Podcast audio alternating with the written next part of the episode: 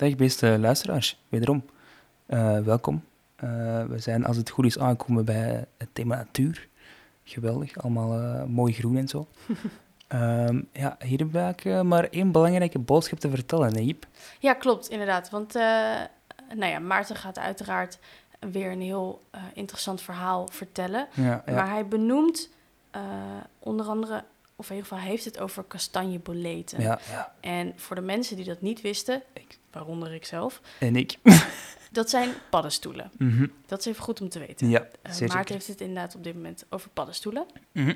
Ehm, en nou ja, misschien is het een leuk idee om, eh, zodra u deze volgende aflevering heeft geluisterd, om dan, wat wij ook in de intro zeiden, Ja, uw koptelefoon even af te zetten of Exact. uw oortjes uit te doen. ja, ja. En een beetje om u heen te kijken. Ja. En de natuur Beetje te rondkijken. bewonderen. Ja. Want het mag dan op dit moment nog wel vol staan met auto's, Ja, rijdende auto's en fietsers en de vervloekte scootertjes waar u zo meteen allemaal meer informatie over gaat krijgen. Zeer zeker meer over gaat eh, weten.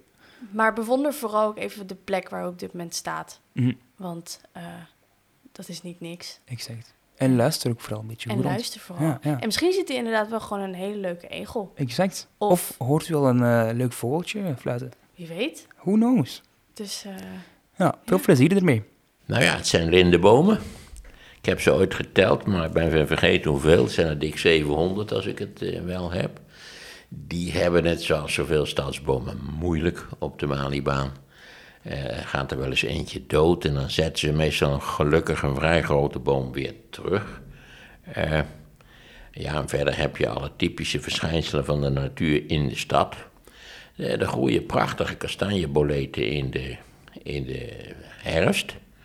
Hoe ze daar komen mag Joost weten. Waarschijnlijk met de aarde die meekomt met die bomen die ze dan planten op de Malibaan. Die worden in het algemeen allemaal kapot geschopt door de passanten. Ja, daar word je ook niet vrolijk van. Van de passanten al daar. Eh, wat hebben we dan nog meer? Ja, de, de, normale, de normale dingen. Eh dan is een, eh, hoe heet het, een advocaat... eh, paddenstoelen dacht ik ook, of niet? Nee, echt bijzondere paddenstoelen. Die, die kastanjeboleten, dat zijn hele mooie paddenstoelen. Die Ja. kun je in principe ook eten. Eh, maar ik, heb, dat zijn de, ik, ik was al verbaasd dat die er groeiden. Dus dat, misschien dat dan daar voor kastanje, sorry, voor eh eh, paddenstoelen deskundig ook nog wel andere zijn. Maar ik heb nooit eh, andere gezien dan die. En daar was ik al erg verbaasd over, dat die daar groeiden.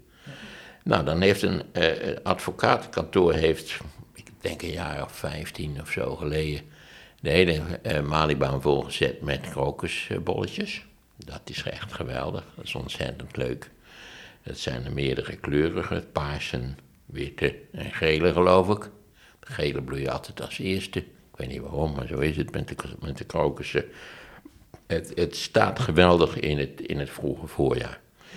Eh, Bij mij weten zijn er eigenlijk vrijwel geen sneeuwklokjes, anders dan in het park bijvoorbeeld.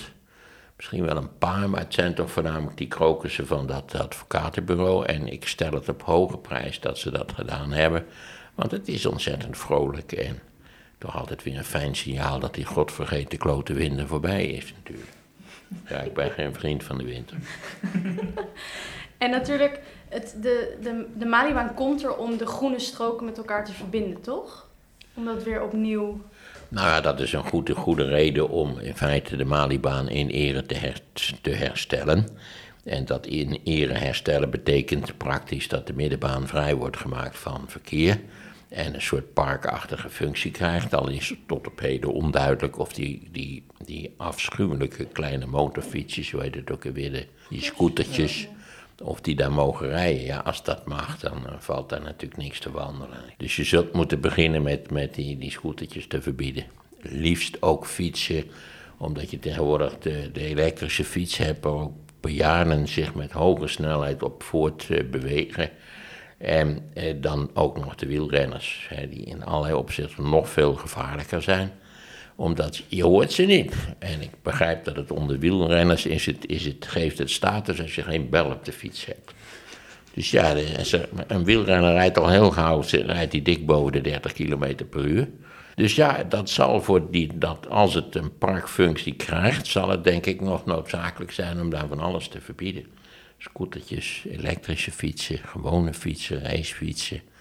Eh, of dat ook gaat gebeuren, weet ik niet. Maar ik Ja. bepleit het in ieder geval eh, Ja. in hoge mate.